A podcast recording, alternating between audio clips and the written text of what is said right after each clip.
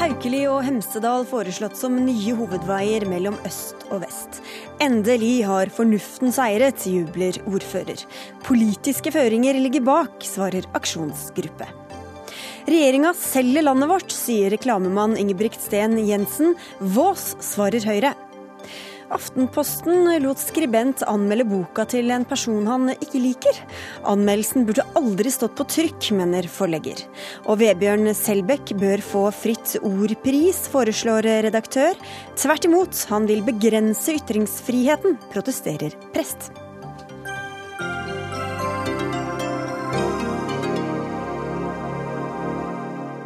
Og dette er noen av sakene i Dagsnytt 18 på NRK P2 og NRK2 i dag. Jeg heter Sigrid Solund og blir her i timen fram til klokka sju. I Norge er det fint lite som engasjerer mer enn vei og lokalisering. Og når vi da slår de to sammen, kan det fort bli hett. I dag foreslo Statens vegvesen at Haukeli og Hemsedal skal bli de nye hovedforbindelsene mellom Østlandet og Vestlandet. Motstanderne, motstanderne stønner skuffet, og tilhengerne jubler. Hans Stillborn, du er fagdirektør i Vegvesenet og har ledet dette utredningsarbeidet. Hvorfor landet dere på akkurat disse strekningene? Vi gjorde det for at vi fant at det var de som ga mest nytte for eh, pengene, helt enkelt. Eh, Hvorfor det?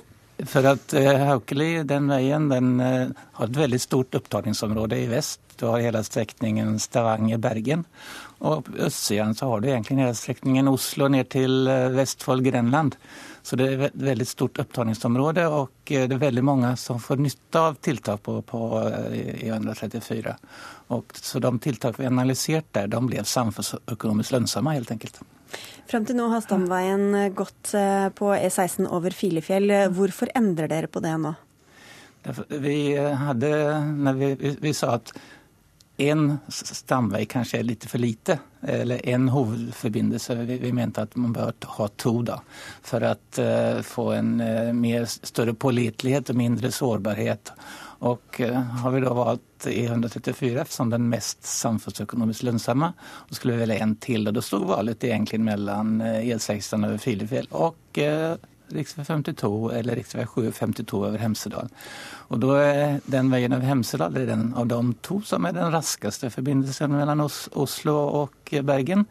Det er den som gir, mener vi også, størst nytte av de to for pengene. Og det er også den som man kan utvikle videre inn mot Sogn og, og Sunnmøre gjennom å forbedre rikstegram på rv. 5. Men hva skjer da med Filefjell, som vi allerede har brukt ganske mye penger på? Ja, det, det tenkte vi fortsette med. Det fins plan, Man har jo holdt på med en omfattende utbygging av just Filefjell. Det mener vi skal fullføres. Og den har ikke vært så mye stengt pga. vær og vind som Nei. disse to strekningene dere nå vil Ja, ja. satse på. Hvorfor går dere for noe som er så utsatt for, eh, Ja, for altså, dårlig vær? Målet her har jo vært å skaffe oss to nesten 100% vintersikre veier. Og det må man gjøre gjennom å bygge eh, ganske lange tunneler og, og en del andre tiltak. Og det er det som vi da har sett på, både for Hemsedal og eh, over Haukeli. Men det blir dyrt. Det blir dyrt. Hva skal det koste, der, det er just derfor at det blir dyrt som vi mener at man måste, må prioritere. Og liksom eh, satse på ikke alle fire, men vi har valgt ut to. Bare for at vi skal klare å, å finansiere dette innom rimelig tid. Men hvor, hvor er logikken i å velge det som blir dyrest pga. det dårligste været eller mest Nei, utsatte? det er det som er, vi velger ikke det som er dyrest. Eh, vi velger det som gir størst nytte for pengene. Em, Men kommer da ikke bilister lenger til å stå eller måtte snu pga. snø og vind og Men når disse utbyggingene er ferdige, så skal man ikke behøve det på Hemsedal og på Øvre Haukeli. Og når det gjelder Filefjell, så er den jo veldig sikker allerede i dag. Og hva blir eh, regninga for denne herligheten? Ja, det er litt vanskelig å si, men eh, det dreier seg om eh, kanskje størrelsen eh, 70 milliarder. 70 millioner for begge to til sammen. 70 milliarder. Ja, milliarder for begge to til sammen. Og så pleier vi å kunne doble ja. det litt sånn eh, etter hvert som tida går, er det ikke sånn det går? da? Men som sagt, vi, eh, det må man jo se litt nærmere på hva, det koster. Vi foreslår jo, når det gjelder Haukeli, foreslår vi noen som kallede konseptvalgutredninger, KVU-er, for å se litt nærmere på utformning og, og løsninger. Og når det gjelder eh, Hemsedal må vi også se litt nærmere på hvordan det skal gjøres, innan vi kan være sikre på hva det koster. Det er ikke helt ferdig sånn i morgen? Det er ikke helt ferdig, nei. Takk skal du ha, Hans Silborn, og velkommen til deg, statssekretær i Samferdselsdepartementet Bård Hoksrud. Har dere penger til det her, da, eller? Det er mye penger, men det vil jo ta noen år før man får dette på plass. og Det er viktig å gjøre noe med øst-vest-forbindelsene. Det er både ulykkesutsatte, det er mye rasutsatte strekninger. Eh, og det er et behov for næringslivet å få på plass noen eh, raske og effektive veistrekninger. Og det er det dette her handler om. Hva synes du om disse to strekningene som de lander på nå, da? Nei, Nå har det kommet eh, fag, de faglige rådene fra Vegdirektoratet og Statens vegvesen. Det er de som ligger til grunn her nå. Så skal samferdselsministeren og jeg vi skal ut og kjøre alle fjellovergangene. Syns ikke dere gjør annet enn å kjøre rundt? Nei, men, men, det er viktig, fordi dette får store konsekvenser, selvfølgelig. Fordi der hvor man får på plass eh, nye veier, så er det klart at det betyr mye for utvikling av lokalsamfunn.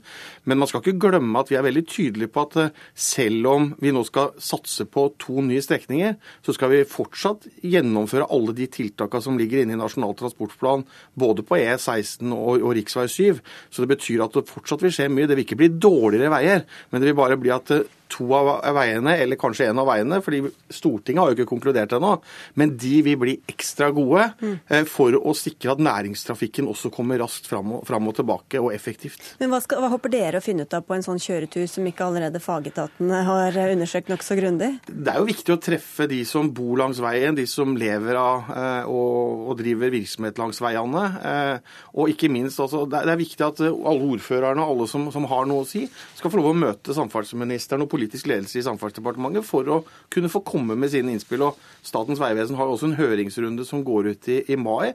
Så her skal det være god medvirkning fra alle, og det er viktig. Samferdsels, Tidligere samferdselsminister Liv Signe Navarsete fra Senterpartiet, hva er din umiddelbare kommentar til disse forslagene? Nei, Jeg syns det er fornuftig eh, å prioritere noen veier. Det tok jeg til orde for da jeg var samferdselsminister. Eh, og det er ikke så veldig langt ifra det som eh, jeg da hevda. Vi har satt i gang utbygging av Filefjell. og Det var fordi at når vi spurte Statens vegvesen om hva strekning er som kan bli vintersikker utenfor store investeringer på det tidspunktet, så var det Filefjell som lå veldig tydelig oppe i dagen. Der er en godt i gang, eh, og der må en gjennomføre eh, både Filefjell og ned i Valdres. Så så er det fornuftig å bygge ut eh, Hemsedal. Der er det kortere vei. Etter at vi fikk inn både Ramsrudhellingene og Sokna-Ørgenvika i, i Nasjonal transportplan, så er de blitt bygd ut. Det har redusert reiselengda. Det er en vei som da sammen med E16 vil gi et godt tilbud til midtre deler av Vestlandet oppe mot Sunnmøre. Men jeg mener òg riktig å ha en trasé lenger sør. og Det mente jeg da jeg var samferdselsminister òg, at E134 var og er viktig for Haugesund, Stavanger, Bergen, mot Drammen, altså den biten. Men så må man huske på at eh, alle skal ikke til Oslo, alle skal ikke til Bergen. Eh, og Det er òg en grunn til at E16 var prioritert opp. For Den ga jo noe til Gjevle i Sverige.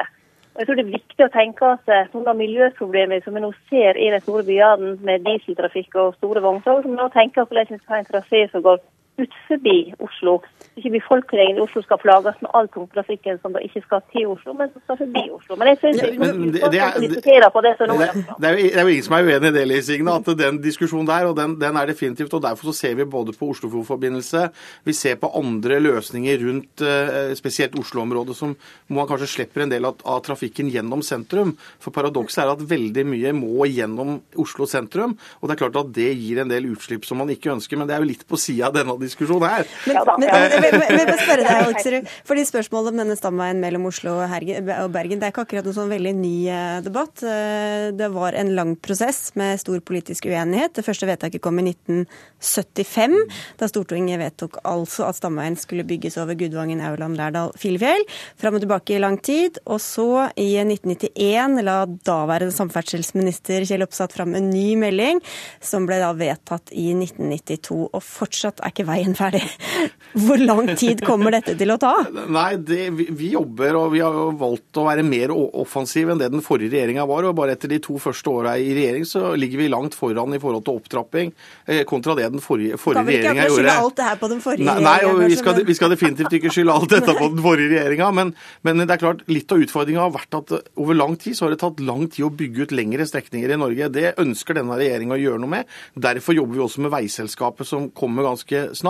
Eh, nettopp fordi at vi skal tenke mer helhetlig og bygge ut mer helhetlig. Blir, blir, det du og Solvik-Olsen som står og klipper snora, eller? Jeg er redd for at det å tro at det skal være ferdig på under, under tre år og det, Vi ønsker jo selvfølgelig, vi ønsker selvfølgelig å få lov å fortsette utover det, men, men, det tar stort sett bare fra du starter å bygge en vei til den er ferdig, så tar det tre år. Så, så det tar en stund. Men, men, det er klart, vi ønsker jo eh, å komme i gang så raskt som mulig. Eh, men det er klart, her må man konkludere, og Stortinget skal selvfølgelig være med i disse beslutningene.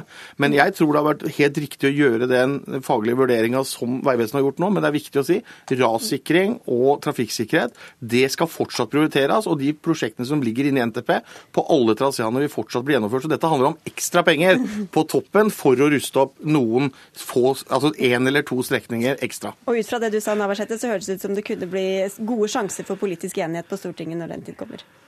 Jeg tror det blir ganske tøffe diskusjoner om det forslaget som har kommet fram. Eh, det er jo ingen tvil om at det er sterke krefter som ønsker Hardangervidda, med, med sine gode grunner for det. Og så er det jo òg eh, det som ikke liker med, da, lenger nord. Eh, Strynefjellet er jo òg en overgang som, som, dekker et viktig område. Så jeg tror det blir mange tøffe diskusjoner fortsatt. Men jeg tror det er viktig at en kan lande dem, og at en kan bygge det er sånn som vi nå gjorde med Filefjell. Vi sa det skal være bygga sammenhenger. Så regjeringen rett må kutte 55 millioner, men jeg håper det kommer igjen med de pengene. Men der er vi jo veldig enige. Det var jo den forrige regjeringa som satte i gang sammenhengende utbygginger. og og Det er bra at de fikk videre nå. Ja, Da fikk vi inn litt, eh, litt eh, selvskryt der. Takk skal du ha, i hvert fall, eh, Liv Signe Navarsete. For det er jo altså glede og også sorg rundt om i landet i dag da pga. disse anbefalingene fra Vegvesenet. Og det er langt ifra en gledens dag for deg, Ivar Arne Lid. Du er i aksjonsgruppa for Hardangervidda-tunnelen. Dere jobber for å få en tunnel som gjør at man får en vintersikker vei over Hardangervidda. Og rv. 7 over Hardangervidda blir altså nedprioritert her. Hva synes du om det? Nei, det, selvfølgelig er det litt skuffende. Og det er klart E134 det lå jo i korta, for det er jo en veldig viktig vei for eh, Haugesund og Stavanger-området og Sunnhordland-Haugalandet.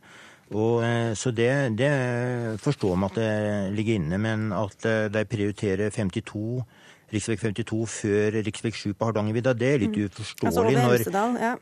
Ja, mm -hmm. eh, rv. 52 over Hemsedal. Eh, eh, når den går parallelt med E16, som da er kosta på mange milliarder kroner, og begge to har sitt utløp i Hønefoss og kommer sammen i Bolaug eh, i Sogn.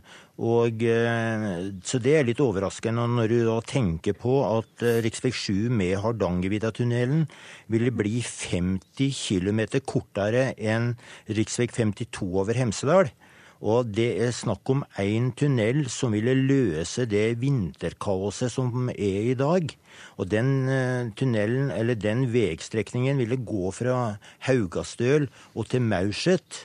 Mm. Og eh, ville løse alle dagens problemer, vinterproblemer. Ja, De valgte feil, altså. Oddvar Grøthe, du er ordfører i Hemsedal for Senterpartiet, eller hva? Ja, sånn. Nå hører jeg det også. Ja, Grøthe? Ingen Grøthe der? Jo, der er du. Ja. Vi, vi, har akkurat uh, fått høre at det var skikkelig teit valg å velge veien over Hemsedal. Den burde Nei, gått over Hardangervidda i stedet for?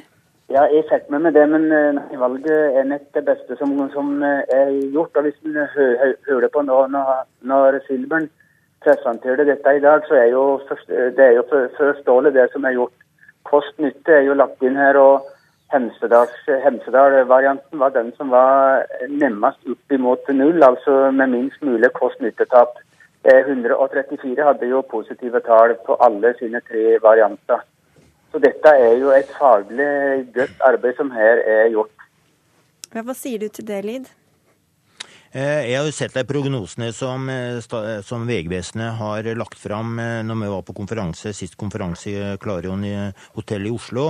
Og, og, vi så jo det at hvis de hadde valgt eh, rv. 7 Hardangervidda, så hadde jo det redusert drastisk trafikken på Hemsedal og Filefjell og Haukeli.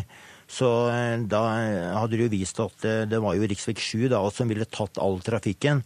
Og vi skal òg være klar over en ting at eh, med Hardangervidda-tunnelen på plass, så vil du løse dagens vinter, eller barriereeffekt på rv. 7 for villrein, og det er vesentlige ting. Ja, hva tror du det kommer til å få av konsekvenser at de nå valgte som de gjorde, dersom de politikerne også til slutt går inn for det? Nei, altså det er klart at eh, eh, villrein på Hardangervidda det er jo den siste resten av den europeiske villreinen. Og barriereeffekten der den er stor, og de trenger beiteområder og trekkruter. Og det er en sak som politikerne er nødt til å ta hensyn til. Og Derfor så må de finne løsning uansett på Hardangervidda. Og med Hardangervidda-tunnelen så hadde de problemene vært løst og borte. Men, men du antyder også at dette kan ligge politiske føringer bak dette valget. Hvordan da? Ja, det er jo klart at Når du ser på E134, så er jo klart at det er jo Det forstår at det er veldig viktig at den blir bygd ut mellom, mellom Drammen og eh, Haugesund. Men at eh, de forespeila å, bygge en eh, sidevegg eller en eh, link opp til, til Bergen med, gjennom Odda og ny bru over Hardangerfjorden, som vil koste enorme summer, når de samtidig skal bygge en ny firefelts vei fra Bergen til Voss som da er langt på vei Da er du svært nærme Hardangerbrua. Så, så, akkurat det der forstår ikke at uh, det kan være så positive tall. Og det er jo klart at med Hoksrud på, uh, på plass og uh, så er det klart at han har hatt en viss innvirkning på dette. Han har jo uttalt seg lokalt tidligere at E134 er jo den veien vi må satse på. Hoksrud? Det er jo sånn at jeg er, jeg er, fra Telemark, og som jeg har sagt, det, det at jeg sitter på Stortinget i åtte år for Telemark og, og kjempa for E134, det, det, er vanskelig å, å, bortforklare det. Men det er klart, vi har ikke hatt noe som helst innvirkning på denne rapporten som er laga her. Dette er en ren faglig rapport det ville ikke vært første gang noen hilste hjem sånn med en, eh, ikke bare en veistubbe i dette tilfellet. Men... Jo, men, men, her er det viktig å passe på at eh, når det er fagfolka som har laga rapporten, så er det fagfolka som har gjort det. Og det er de som har kommet fram til de konklusjonene. Det har ikke vært noen politisk eh, innblanding, og det er viktig at sånn skal det være. Så kommer jo den politiske diskusjonen og debatten nå.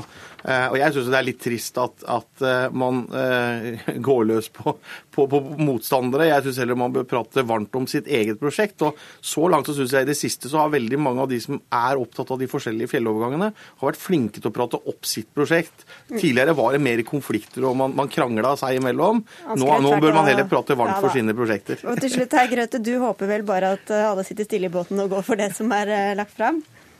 Eh, stille i båten, neppe, men det er jo viktig å, å, vurdere dette her på den måten det skal, det skal gjøres. Det som lider ikke fettmessig, som da Silbjørn var veldig klar på, nedslagsfeltet før Eh, traseen rv. 7, 52, rv. 5 er altså hele Vestlandet, Ålesund, Bergen. Og det, det, er jo den, eh, Derfor er denne her korridoren eh, viktig og, og rett. Mens derimot E134 har jo Bergen-Stavanger som sitt nedslagsfelt vestpå. Så jeg syns det er veldig mye fornuft i det som er gjort. Og når i tillegg, tillegg økonomien, regnestykket, tallet taler for det, så er dette her slik jeg ser det, et naturlig valg. Og Dere har alle rikelig tid med å komme med innspillene til Samferdselsdepartementet. Høringsfristen går ut i mai. Takk skal du ha, Bård Hoksrud, og takk til Oddvar Grøte fra Hemsedal og Ivar Arne Lid fra aksjonsgruppa for Hardangervidda-tunnelen. Det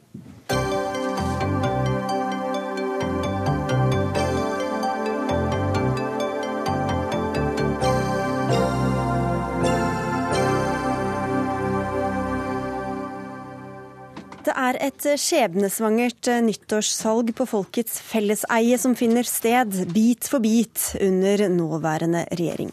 Det skriver Folkeaksjonen Nei til salg av Norge, etter at regjeringa i sommer annonserte at de ønsker å selge og redusere eierandelen i flere statseide selskaper.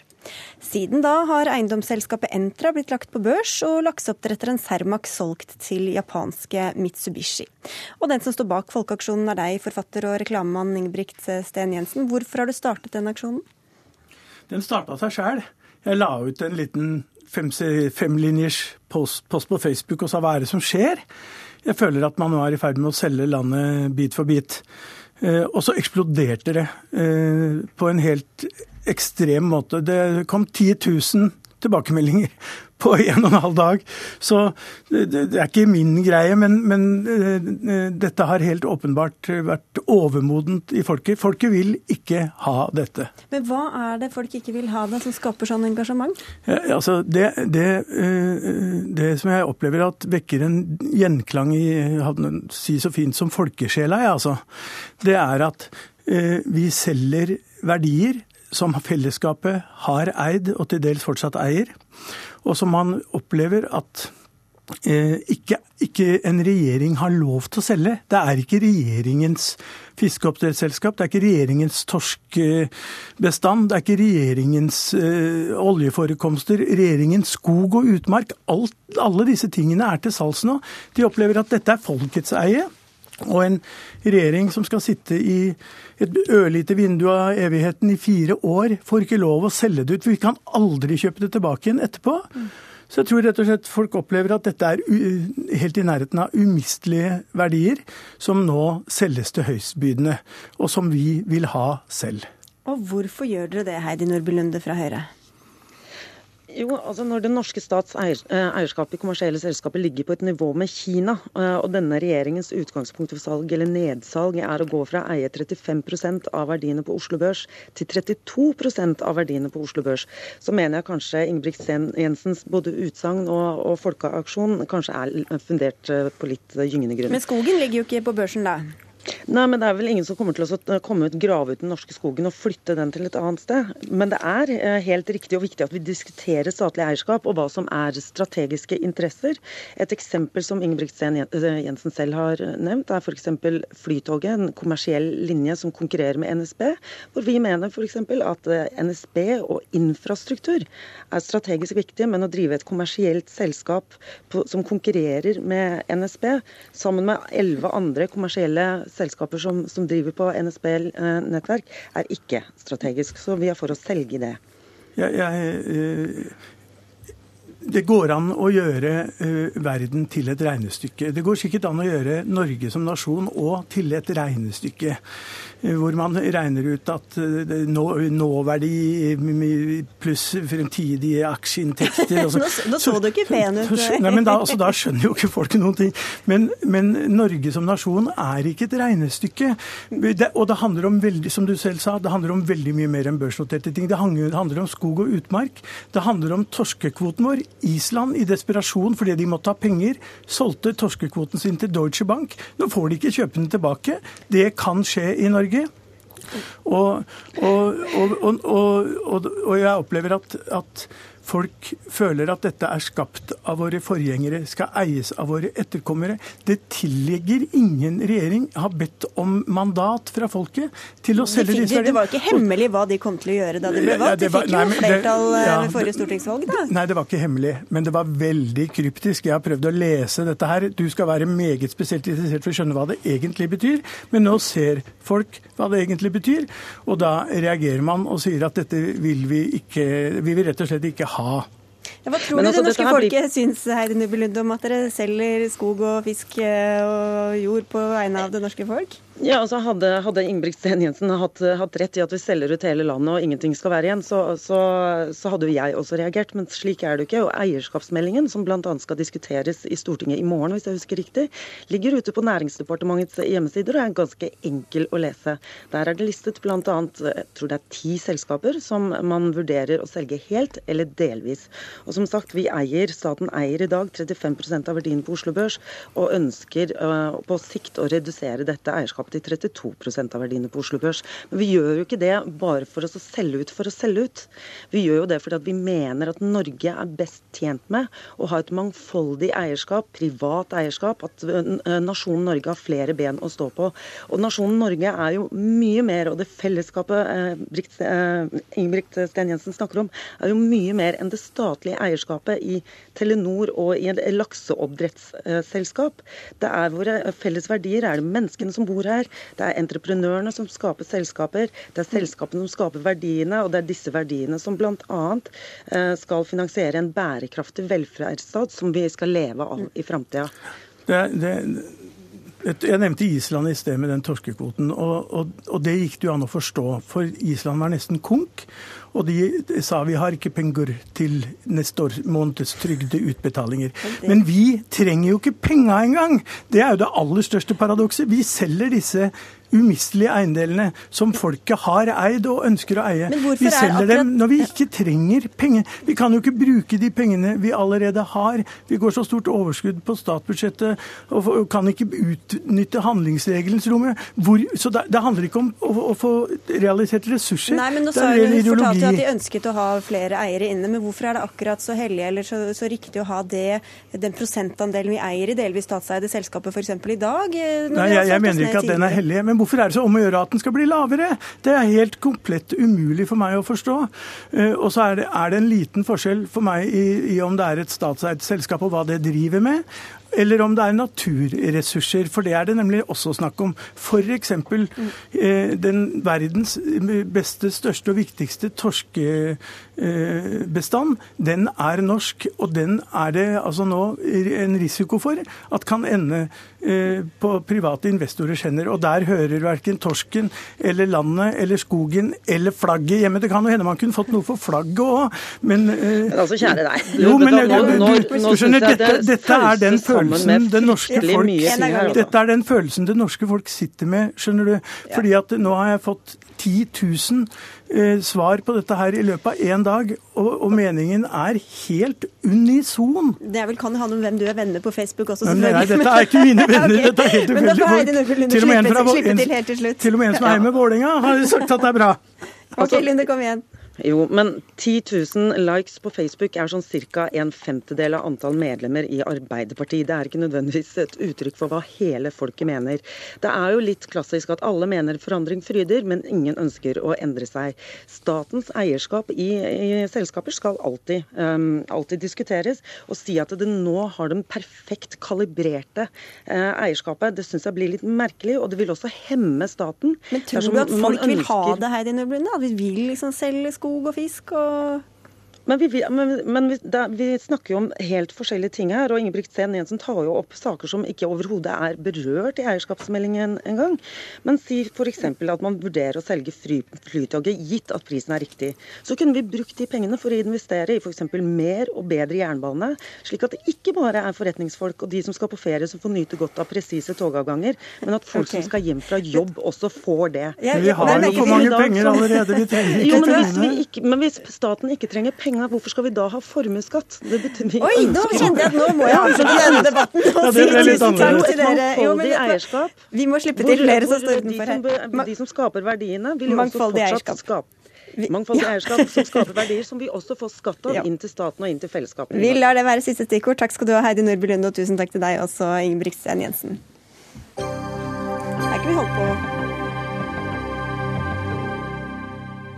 Er det greit å la noen anmelde boka til en person de virkelig ikke liker? Spørsmålet ble reist etter at Per Egil Hegges anmeldelse av boka til psykiater Einar Kringlen sto på trykk i Aftenposten. Boka handler om statsledere og deres psykiske helse. Anmeldelsen starter med hvor dårlig kan en bok være og likevel bli utgitt, og fortsetter som ren slakt. Vi kan koste på oss å høre litt av hvordan diskusjonen gikk mellom Hegge og Kringlen da de møttes i Aktuelt på NRK2 tidligere i uka. Jeg har vært kritisk til Kringlin i mange år, så jeg syns det er helt greit at det blir utgitt. Eh, ut fra kvalitetskrav så skulle den ikke ha vært utgitt i den formen den har. Den skulle ha vært rettet på meget vesentlige punkter. Poenget her det er at Einar Kringlin har skrevet en dårlig bok. Jeg var jo for så vidt ikke forundret når forfatteren var eh, Hegge. Det jeg særlig reagerer på, det er at Aftenposten når en av sine journalister boldre seg med personangrep. Syns du det er uetisk? Jeg syns det er eh, uetisk. Det var litt av debatten, og utgangspunktet, altså denne anmeldelsen, skapte også et visst engasjement hos deg, Anders Heger. Du er forlagsredaktør i Cappelen Dam.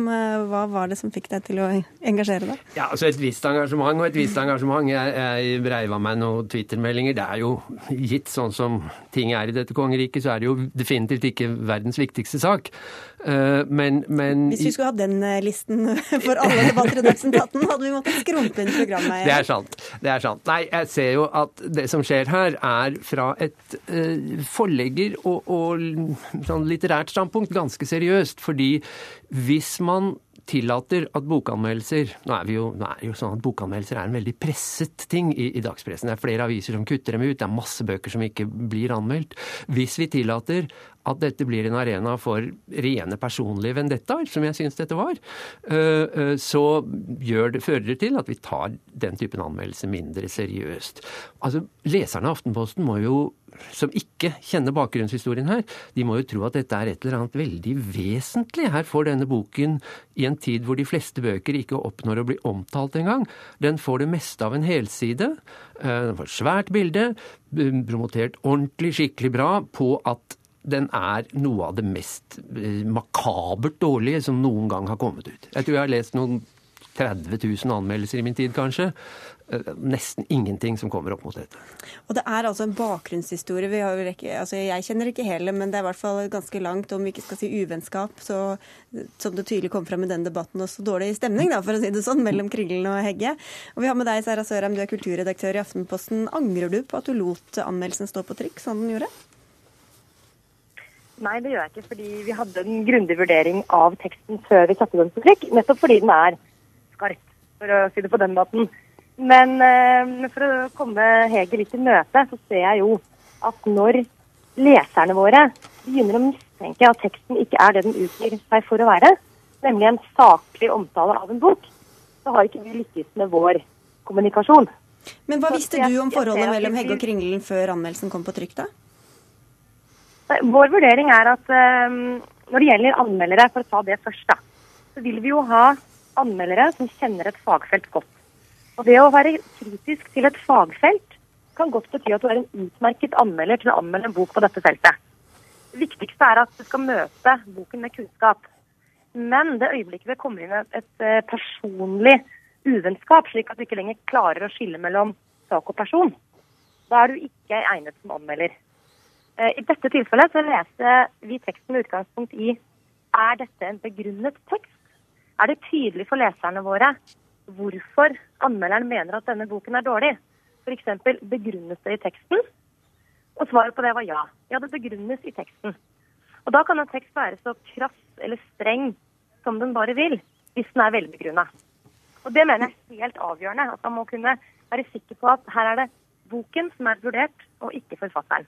Og vår vurdering i dette tilfellet ja, var at Det er vel akkurat der våre veier skilles, fordi Jeg beklager å si det, programleder, men vi er nok såpass enige, Sørheim og jeg, at det, det tar litt temperaturen ut av dette. Fordi hun selv eh, nagler jo dette at hvis leseren mistenker at det er noe annet, så har anmeldelsen feilet, og det var jo akkurat det som skjedde her. Men eh, eh, det skal mye til å si at teksten begrunner sitt raseri mot denne boken. Det som kommer frem, er noen litt sånne unøyaktigheter på, på, på fagopplysninger. Men, men, vi snakker om en ganske sær lita bok her, på, utgitt på et eh, lite forlag av, for spesielt interesserte, som så liksom skytes ned med den største kanonen man har. Eh, det må ligge noe annet bak, tenker en hvilken som helst leser. Og de som er litt bitte, bitte grann informert om, om norsk anmelderi og, og, journalistikk, de vet omtrent hva som ligger bak her. Men må spørre deg, Sørheim, fordi Per Egil Jeg vil bare ja, kan jeg få... bare ja. Ja, jeg ville bare høre med deg noe som jeg lurte på. Fordi han sa, Hegge, at eh, et intervju på radioen med Kringlen fikk ham til å kjøpe boka, bruke 300 kroner for å lese den. Hvem tok egentlig initiativ til denne anmeldelsen? Ja, vet du, Hos oss er det sånn at anmelderne våre ofte kommer forslag til oss om eh, bøker de er interessert i. Og så er det noen ganger vi som selvfølgelig eh, ber dem om å anmelde for oss. I dette tilfellet så hadde vi hatt boken på vår agenda fordi det er stor interesse for norsk rettspsykiatri eh, generelt, og særlig i de siste årene. Så har det vært feltet. Hvem foreslo at det var Hegge som skulle, som skulle anmelde den, da? Når Hegge meldte sin interesse til oss for boken, så vurderte vi skal vi gå for dette eller ikke. Og så var det vi som ba Hegge om en anmeldelse. Og Hvor åpen og nøytral vil du da tro at han var da han satte seg ned og lese boka og skrive anmeldelsen? Vet du hva, Her er han for så vidt akkurat slik som alle våre anmeldere er. Og dette er også viktig fordi jeg ønsker meg anmeldere, kritikere, som er engasjerte. Og Det er fordi at litteratur er viktig, både skjønnlitteratur og saksprosa. Det er viktig, og vi vil møte tekstene med følelser. Jeg er ikke redd for følelser i anmelderiet, fordi det betyr engasjement. Sånn at Vi oppfordrer våre kritikere til å melde inn til oss uh, om bøker de er opptatt av. Men det er mitt ansvar som redaktør å sørge for at uh, grunnen til at jeg er opptatt av det, er at det er fagfeltet. Jo, men dette er vi jo helt enige om. og det det er veldig ja. fint Sørheim, at det er begeistring i anmeldelsen, at det er engasjement der. Og i og for seg syns jeg ikke det gjør noe at folk kjenner hverandre. Norge er et bitte lite land. Og, og, og, hvis du skulle ha anmeldere som ikke kjente hverandre, så ville du fort gått tørr. Men, men øh, det, det, finnes selvfølgelig grenser her, og den grensen går akkurat i, på det du selv påpeker, og som er helt åpenbart ved denne anmeldelsen. Det går når du ikke har tillit til at det er boka, men forfatteren, eventuelt et eller annet gammelt agg mellom de to, som egentlig er grunnen til at dette kommer på trykk. Du, hvordan vet du at så mange tenkte det? Det er ikke alle som er like inne i dette som deg, Hegge? Det er bare nok å se på dette, det er, det er nok å lese teksten. Og hvis du var i tvil, så ville du fått det bekreftet i dette TV-programmet som dere sendte en bit av her. Det er jo en grunn til at en anmeldelse kommer på TV. Det er når, fordi den er helt ja, den er jo helt rabiat dårlig. Det er jo ikke et slakt, det er jo det er masse partering. Okay. Sørheim prøvde å komme inn veldig lenge. Du får ja, Kom igjen, skynd deg. Ja, her må jeg få lov. Jeg, må gjerne få, jeg vil gjerne utfordre Hege litt på det. Det er ikke små unøyaktigheter som blir påpekt i den anmeldelsen. Det er faktisk grove feil. Og, og For leserne der ute som ikke har lest anmeldelsen, så, så er det en, en, tekst som påpeker at en, en fagbok eller en, en, en fagprosautgivelse inneholder flere faktafeil. Ja, det er helt riktig. Det er jeg helt enig med deg. Ja, og, og det... Dette er ikke en tekst som, som flommer over av følelser. Jo. Dette er en, er en meget streng anmeldelse. Tilbakeholdne følelser, kanskje? Nei, der, eh, nei altså på det siste er jeg saklig uenig, men hvis det er en tekst som flommer over av følelser. Men, men, til det første, eh, jeg er jo veldig glad egentlig for den tillit du uttrykker til norsk faglitteratur, når du sier at det er eksepsjonelt, det har vært en, en helside i avisa, at en bok inneholder en del faktafeil. For det er akkurat det denne anmeldelsen gjør, fastslår det. Og da må vi si tusen takk til dere begge, Anders Heger og Sara Sørem, for at dere var med i runde to, altså her i Dagsnytt 18. Thank you. Bør Vebjørn Selbekk få Fritt Ords pris i år? Ifølge Aftenposten er han en spesielt god kandidat fordi han, i motsetning til store deler av norsk presse, ikke har vært feig. I 2006 trykket han som redaktør i den kristenkonservative avisa Magasinet karikaturene av profeten Mohammed til store protester og mange drapstrusler. Men i dagens Aftenposten skriver du at Selbekk ikke bør få denne prisen. Gyri Gunnes, du er prest i Den norske kirke. Hvorfor fortjener fortjener han ikke den? Eh, jeg tenker at han ikke fortjener den fordi at Selbekk fremstår som en som forsvarer ytringsfriheten. Men selv så er han en som innskrenker andres rett til å ytre seg. Han har kritisert min religiøse kunst, bønner til Allah og andre ting som jeg har skrevet, og kalt det bl.a. for ekstremfeminisme og gudsbespottelse, altså blasfemi. Han har til og med tatt til orde for at jeg skal miste muligheten til å være prest. Så Selbekk mener altså at muslimer skal tåle å bli krenket, men selv så tåler han ikke meninger som han selv er uenig i. Prinsippløst, kaller du det? Ja, en, prins, et, et, en prinsippløs omgang med ytringsfriheten. For det, ved, det han har skrevet, så har han prøvd å begrense mine ytringer som kvinne, som prest og som kunstner. Og det tenker jeg er særlig problematisk inn i den kristelige offentligheten som Selbekk opererer.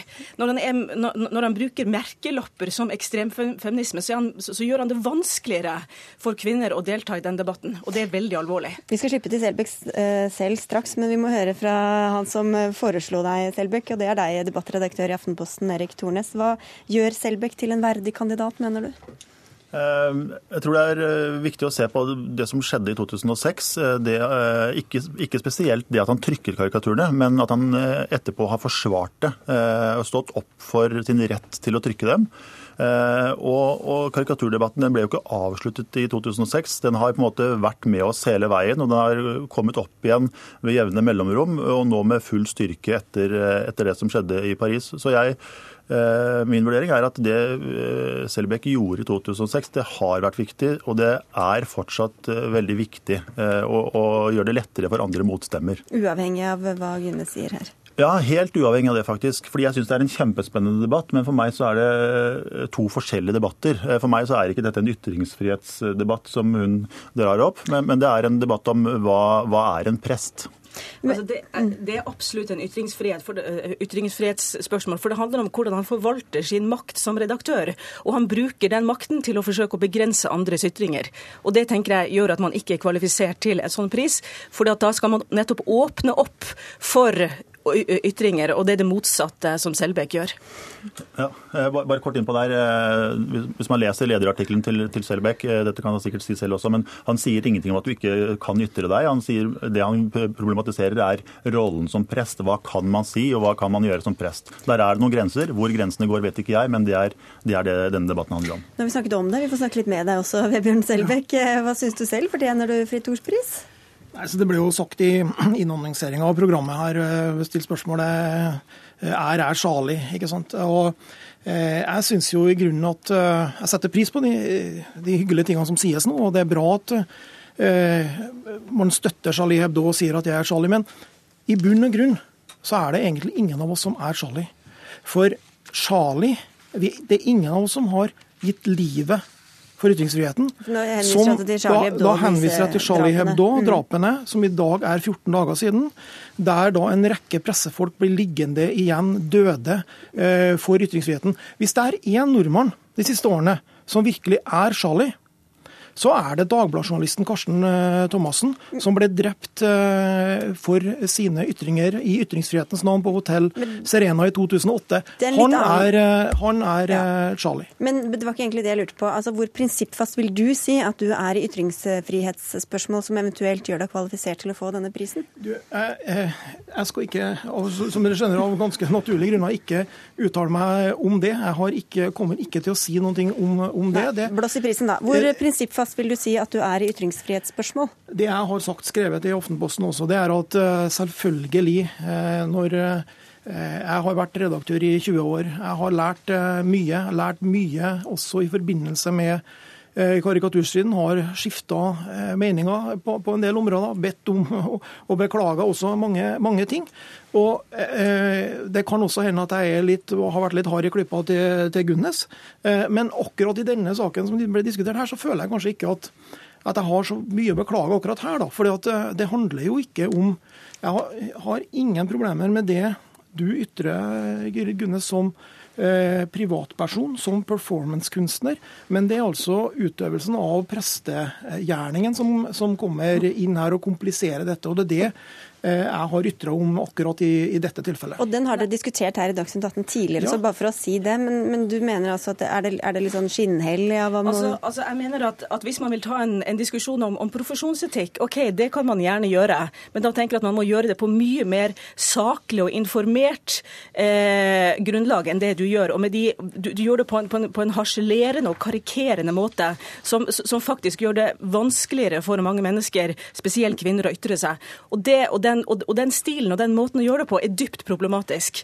Ja, men, eh, og særlig da at du, at du, på en måte krever at muslimer skal tåle å bli møtt og, og, blasfemi, men at du selv ikke er villig til å tåle eh, noe som utfordrer din egen krist, konservative kristendomsforståelse. Men det, akkurat, akkurat, det er ikke riktig. da, for eh, Det jeg har gjort også lenge før eh, det sto noen Muhammed-karikaturer på trykk i, i, magasinet, så har jeg trykt eh, bilder og tegninger som kan virke støtende på mitt eget trosgrunnlag. Det var jo Ekke homoutstillingen, kanskje noen som husker. Bilder av Jesus i homoerotisk miljø. Mye lakk og lær og kjettinger og disipler og Kristus i skjønn eller uskjønn forening og alt dette som man ser det. Men dette trykka jeg som en illustrasjon til en sak som handler om det, og det var akkurat det samme med Muhammed-tegningene. Nyhets- og aktualitetskriterier, ikke verne om eget trosgrunnlag. Da skal vi få inn deg også, Berit Olberg. Du er samfunnsredaktør i Vårt Land og har skrevet om denne saken. Hva synes du om Selbekk som kandidat til Fritt Ords pris? Er han den beste kandidaten? Altså det jeg har sagt er at jeg syns det er litt hult noe av det Selbekk sier. fordi at Først så kjemper han knallhardt for å beholde blasfemiparagrafen i Norge. Og det han vil er at ikke kristne skal kunne krenkes. Og så snur han da, og Dagen Magasinet har vært klart kritisk i mange sammenhenger overfor muslimer, og så snur han, når han, når han og krenker muslimer. Og samtidig er han på dette tidspunktet, som Tornes sier at det er det han gjorde da, som vi skal se på. Og samtidig som han da trykte disse karikaturene, så, så var han veldig ullen hvorvidt han ville trykke karikaturer som var like krenkende for, for både konservative kristne og jøder. Og, og, og, jeg må bare si det en ting til her. Han har bedt Støre om å gå til, og måtte be om unnskyldning for det Støre har gjort. Men Selbekk har selv aldri Han har sagt at han, han angrer det, men han har ikke gått ut og beklaga i offentlighet at han ville presse Fremskrittspartiet til å, å redde blasfemiparagrafen. For det var han veldig tydelig. Han ville bruke de midlene han hadde som leder i den kristne Dagsavisen, og presse Fremskrittspartiet på å redde blasfemiparagrafen. Så noen kan man støte, andre ja, ikke? Nei, nei, men jeg, jeg, må jo takke for at man har så store tanker om magasinet når vi som da hadde 5000 i opplag, at man tror at man kan, vi kan presse Fremskrittspartiet. Men, men, det som det handla om den gangen, det var jo Og jeg har, jeg har beklaga det, Berit. Og jeg kan godt beklage det en gang til. Jeg har gjort det i tekst, jeg har, jeg har sagt det offentlig. Veldig dumt å støtte blasfemiparagrafen der. Jeg støtter at den skulle fortsatt sove videre, som jo Fremskrittspartiet og den borgerlige regjeringa foreslo den gangen. Men jeg skifta i hvert fall mening før den rød-grønne regjeringa gjorde det. For da, så sent som i 2009 så gikk jo dem inn for å kriminalisere det som kaltes for kvalifiserte angrep på religion. Da hadde i hvert fall jeg allerede skifta mening. Ja, Tornes, hvor viktig er det dette med at man skal kunne støte i alle retninger? Ja, jeg jeg syns det er et litt blindspor. fordi Da forutsetter man at man på en måte må kvalifisere seg til ytringsfrihet. Altså at, at Selbekk for å for å, få, for å, kunne trykke karikaturer av profeten, så må man også trykke av, av kristne og, eller andre religioner, og, og, sånn er det ikke. Hvorfor ikke det? det? Nei, fordi, fordi, på samme måte som man, man, Du forventer egentlig ikke at, at, Klassekampen er de beste til å slå til venstre i norsk politikk, og Dagens Næringsliv til høyre. Han har vært redaktør i en kristen konservativ avis. De er sannsynligvis ikke de beste på å kritisere kristne, men, men er, kristne religioner i hvor Norge. Hvor modig er det da å kritisere muslimer ja, og ikke kristne? Det, det, det, som er det avgjørende, er jo den prinsipielle holdningen til at også andre velger å trykke eller ikke trykker. Og der har han, så vidt jeg har sett, vært klar. Så han trenger ikke å, å å, og trykke alt. Jo, men spørsmålet Du argumenterer på den måten at du sier at han var ikke feig. Men, men, i det øyeblikket han ikke da Han er ullen på svaret om han vil kritisere konservative kristne og jøder. Men, men La meg snakke ferdig. Men, det, men det, det, det, har vært flere altså, du, du, har til og med sagt at du har skifta standpunkt. Men du var ullen den gangen. Og da er spørsmålet hvor hvor, altså Er man feig eller er man ikke feig? Det er egentlig det som er, er det store spørsmålet. fordi at, La meg snakke ferdig. Fordi at det er det du sier, at han var så modig. Han visste jo ikke hva som ville komme, men han, ville ikke, på en måte, han sa ikke ja ubetinga til å krenke sine egne og, og jøder. Og det er der det spørsmålet jeg ja, For å være helt tydelig på meg, Det her handler for meg ikke om om noen har vært feig eller modig. Det handler om at Selbekk har stått prinsippfast ved sin beslutning og sin rett til å trykke karikaturene, eller en faksimile av karikaturene. Og etterpå så har han også eh, sagt at andre får lov til å publisere det de mener er riktig. Og dette her er det jo opp til hver enkelt redaktør. Og Gunnes, jeg vet at du vil inn, Selbekk. Det er ikke så rart ettersom alle tre sitter og snakker om deg, men vi må få inn presten på slutten her. Ja. Fordi, men ja, for, Hvor viktig er det at måte, han skal kritisere altså Kan man ikke stå på ytringsfriheten samtidig som man kritiserer visse andre ytringer? Enn det man liker? Eh, altså, jeg tenker at, at jeg syns at Selbekk har lagt for, lagt for, dagen en særdeles lite reflektert måte å forholde seg til spesielt de tingene som jeg har gjort. Og det, og det tenker jeg at det syns jeg ikke kvalifiserer for, for, for noe pris. Altså, det, det, det, det, sies jo mye her, og, og, jeg skal ikke si at jeg har gjort alt rett. Men i hvert fall det inntrykket som, som, som prøver å gi, som, som, Berit gir her, at jeg ikke har ønska å eh, avstått fra å trykke ting som kan virke krenkende for jøder og for kristne, det, stemmer jo bare ikke. Og det, har jeg en lang track record på. Vi har hatt Jesus-karikaturer på trykk både i magasinet og i Dagen, som jeg er redaktør i nå, din konkurrent Berit. Jeg har, jeg har, vi har hatt Charlie Hebdo-karikaturer med agg mot kristne. I dag har vi eh, antijødiske, anti-israelske karikaturer. Viser hvordan, hvordan eh, dette terrorangrepet som var nå i dag, faktisk eh, allerede karikeres. Eh, sånn at, sånn at eh, der, der, tror jeg du må undersøke litt eh, mer, for det, det føler ikke jeg stemmer. Altså. Da får du slippe til på slutten her, Berit Aalborg. Og jeg mener, du, Nå er du veldig prinsipiell på dette.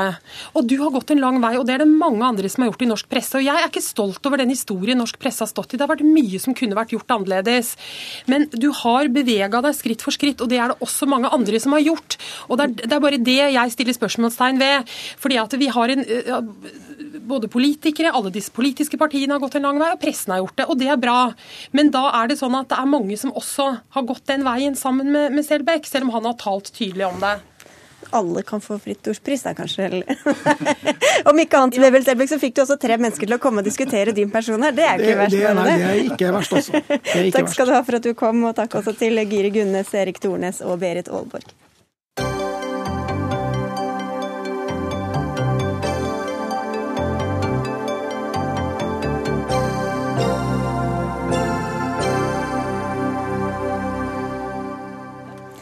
Personalpolitikken ved norske utdanningsinstitusjoner ødelegger for kvaliteten på forskninga.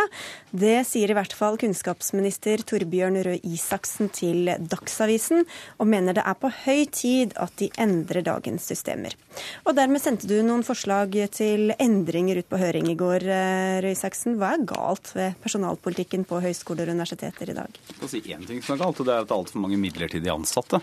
Det er det ene. Det andre er at jeg mener det er en selvfølge at eh, når vi skal bygge et høyere utdanningssystem i verdensklasse, og det som et av verdens rikeste land, så burde vi og må vi gjøre det.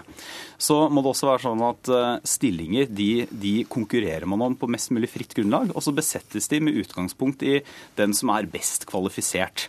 Og Det er et par ting som vi nå har foreslått å endre, som gjør at det har blitt litt vanskeligere, og som i tillegg tror vi er med på å gjøre at det blir flere midlertidige ansettelser i universitets- og høyskolesektoren enn det det ellers kunne vært. Ja, og Da er det bl.a. denne fortrinnsretten som dere angriper. Ja, da er det bl.a. fortrinnsretten. og da skal jeg for, forsøke å, altså Dette er jo um, Veldig enkelt så betyr det at uh, hvis, du er, uh, hvis du er ansatt på med ekstern finansiering, altså finansiering utenfra. Hvis du da er fast ansatt, så har du en fortrinnsrett, dvs. Si at du har en ekstra rett til en stilling eh, som åpner seg på f.eks. universitetet.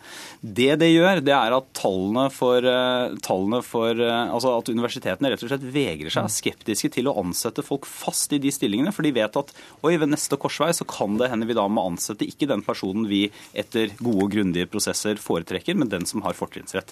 Det skaper mer midlertidighet. Og flere midlertidige stillinger har vi ikke bruk for, vi burde ha færre. Ja, for du sier at det er ikke de beste nødvendigvis som blir ansatt, fordi at man da må ansette ansette en som man ja, da, allerede har, for, ja, foran en som kanskje kommer fra utlandet eller et annet sted. Inn, ja. Men for å unngå det, så mm. sier jo da isteden uh, institusjonen at ok, da ansetter vi heller midlertidig, midlertidig da, for å være på den sikre siden.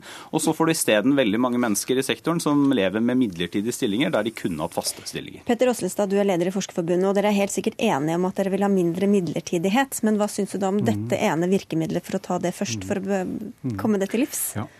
Uh, som eh, du sier, programleder, så er vi helt enig i at vi ønsker å få ned bruken av midlertidig ansatte. Veldig glad for at statsråden nå understreker det. Det har vært eh, litt mindre tydelig i teksten i årets statsbudsjett, eller i fjorårets statsbudsjett, i forhold til tidligere dokumenter. Så jeg er veldig glad for at vi er der. Og vi i Forskerforbundet vil selvfølgelig også eh, sørge, arbeide for at vi får høyest mulig kvalitet i sektoren. Men jeg tror nok at det som her sies om, om fortrinnsretten, det er også delvis en, en, misforståelse. For det er ikke slik at uh, du uten videre har rett på en stilling når, uh, når du kommer fra eksternfinansiert stilling. Du må være kvalifisert til den stillingen. Det er akkurat som det er ellers i arbeidslivet. Hvis du f.eks. er forsker og søker på en professorstilling uten å kunne undervise, så er du ikke kvalifisert til den stillingen. Men så lenge du er kvalifisert, så må du øh, velges framfor en som kanskje rektoren ved universitetet har mer lyst til å ansette utenfra? Ja, Det vil jo alltid være slik at noen kan være bedre enn deg på et visst tidspunkt. Men vedkommende er jo da kvalifisert til den stillingen, og det syns jeg er veldig viktig å få frem. Det, det, det, er jeg enig i. Altså, du må ha de formelle kvalifikasjonene i orden, men det er allikevel sånn at din rett til stillingen overtrumfer da den uh, normale ansettelsesprosessen som man har andre steder. Så Det er den ene delen av problemet. Det, det men tror... hvorfor vil dere lage mer usikkerhet for dem det gjelder? Det blir jo nesten som Nei, en sånn ansiennitetsordning. Ja, men det er jo det som er, som er paradokset her, kan du si. For det, i de stillingene på universitetene eller høyskolene som er finansiert utenfra, så kan det være opp mot 70-80 midlertidige stillinger. Eh, og vi mener det er god grunn til å tro at en av årsakene til det er nettopp fordi at institusjonene vil unngå å havne i en slik situasjon. Fordi de er opptatt av at de vil besette alle stillinger, ikke bare med kvalifiserte folk, men de de mener er best egnet for den stillingen etter grundige prosesser. Så her kan vi jo faktisk også få ned antall, eh, antallet midlertidige stillinger, samtidig som vi kan gjøre et lite grep for å, å bedre kvaliteten. Ja, og Hva kan være de negative konsekvensene av det? Ja, altså, det er jo opplagt at uh, for en forsker så blir det mindre attraktivt å gå inn i akademia hvis den usikkerheten økes, som, som statsråden nå legger opp til. Men jeg tenker også at her har vi en, en annen veldig viktig problemstilling, og det er at uh, i løpet av ti år så skal, kommer vi til å ha en veldig stor aldersavgang i forskning og høyere utdanningsstillingene. Slik at jeg har i flere sammenhenger etterlyst en rekrutteringsstrategi fra politiske myndigheter, slik at vi kan bygge opp den økede kompetansen som vi trenger. og Da syns jeg det blir et skinnproblem å lure på om man kanskje kunne fått inn en som var enda litt bedre kvalifisert, i en stilling hvor vedkommende allerede er kvalifisert. Kjenner jeg dere, så har du sikkert en sånn strategi oppi ermet et eller annet sted, tror jeg. Her er det, her er det, andre, her er det andre papirer jeg har med enn akkurat det. Men, men, men du, vi må innom det andre momentet ja. som dere foreslår også, mm. nemlig dette med eh, opprykk og hva som skal til for å rykke opp i, i tittel. Ja, og det er rett og slett der, der tett vi rett og slett en mulighet, et, et hull kan du si, som er i dagens system. Eh, I dagens system så er det, er det mulig mulig å eh, hvis man spekulerer i det, å eh, gå til en annen, søke på en jobb på en annen institusjon, og så få vurdert deg selv og så komme tilbake til din hjemmeinstitusjon og si at vet du hva, her er det jeg har, nå blir jeg vurdert som professorverdig, og så dermed kreve opprykk fra førsteamanuensis til professor. Der hvor du egentlig jobber, men ikke og dette er jo der hvor du egentlig jobber. og dette er jo, Det er jo litt sånn tekniske ting. og Det er jo ikke med dette sagt at uh, det er jo ikke sånn at vi er ferdig med kvalitetsarbeid i høyere utdanning, men dette er to små, men viktige bidrag, tror jeg. Og En av løsningene hans da er at man skal ha en lokal uh, vurdering av hver enkelt mm. og hva som skal til for å få f.eks. en professorstilling, og det er dere heller ikke så begeistret for? Nei, vi er vel faktisk ikke så veldig begeistret for det. Vi kan godt erkjenne at eh, det av og til kan være irriterende med folk som søker på en stilling som de da blir innstilt til, og så takker de nei. Og da kan man ha følelsen at man har gjort eh, unødig arbeid. Men hvis man går inn på det forslaget som, eh, som Torbjørn Røe Isaksen nå kommer med, så vil det bety at hver enkelt institusjon så å si sjøl bestemmer hva som blir kriteriene for å være professor. Og Dermed så løser vi opp hele stillingsstrukturen i landet. og Du kan risikere at en professor på institusjon A vil regne seg som mer verdt enn på institusjon B. Og vårt utdanning- og forskningssystem er basert på at disse stillingene er like. Det skal hvis, være nasjonale kriterier. Ja, så, hvis, så, hvis, dette er et problem, så syns jeg kunnskapsministeren bør stramme opp disse komiteene på de institusjonene som man har mistanke om ikke gjør jobben sin. Det er en bedre vei å gå enn det som nå er foreslått. Eventuelt kunne vi altså. tenkt oss at eh, man gikk tilbake til det systemet vi hadde tidligere, at Universitet- og høyskolerådet hadde en koordinerende oppgave her. Eh, altså, jeg, jeg, for det første er jeg glad for at Forskerforbundet, som jo er, er, en veldig stor fagforening i denne sektoren, på begge områder ser at her er det reelle problemer som vi forsøker å adressere. Det er ikke bare noe vi plukker ut av løse lufta. Og så, og så mener jeg at det er ikke det er ikke et stort problem, mener jeg, hvis en institusjon ønsker å ha ekstra høye kriterier for å kunne f.eks. gjøre noen til professor. Det mener jeg er, er, gunstig og bra, kan være med på å drive opp kvaliteten i sektoren. Og så er det jo...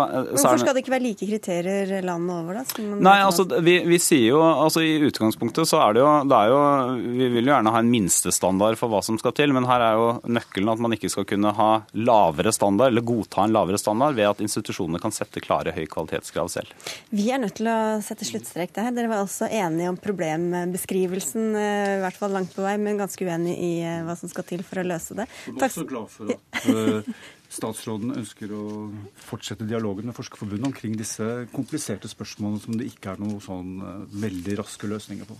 Og litt av det tok dere i Dagsnytt 18, takk skal dere ha for det. Det var Hege Holm som var ansvarlig for dagens sending, Finn Lie som dro i spakene, og jeg heter Sigrid Elise Solund.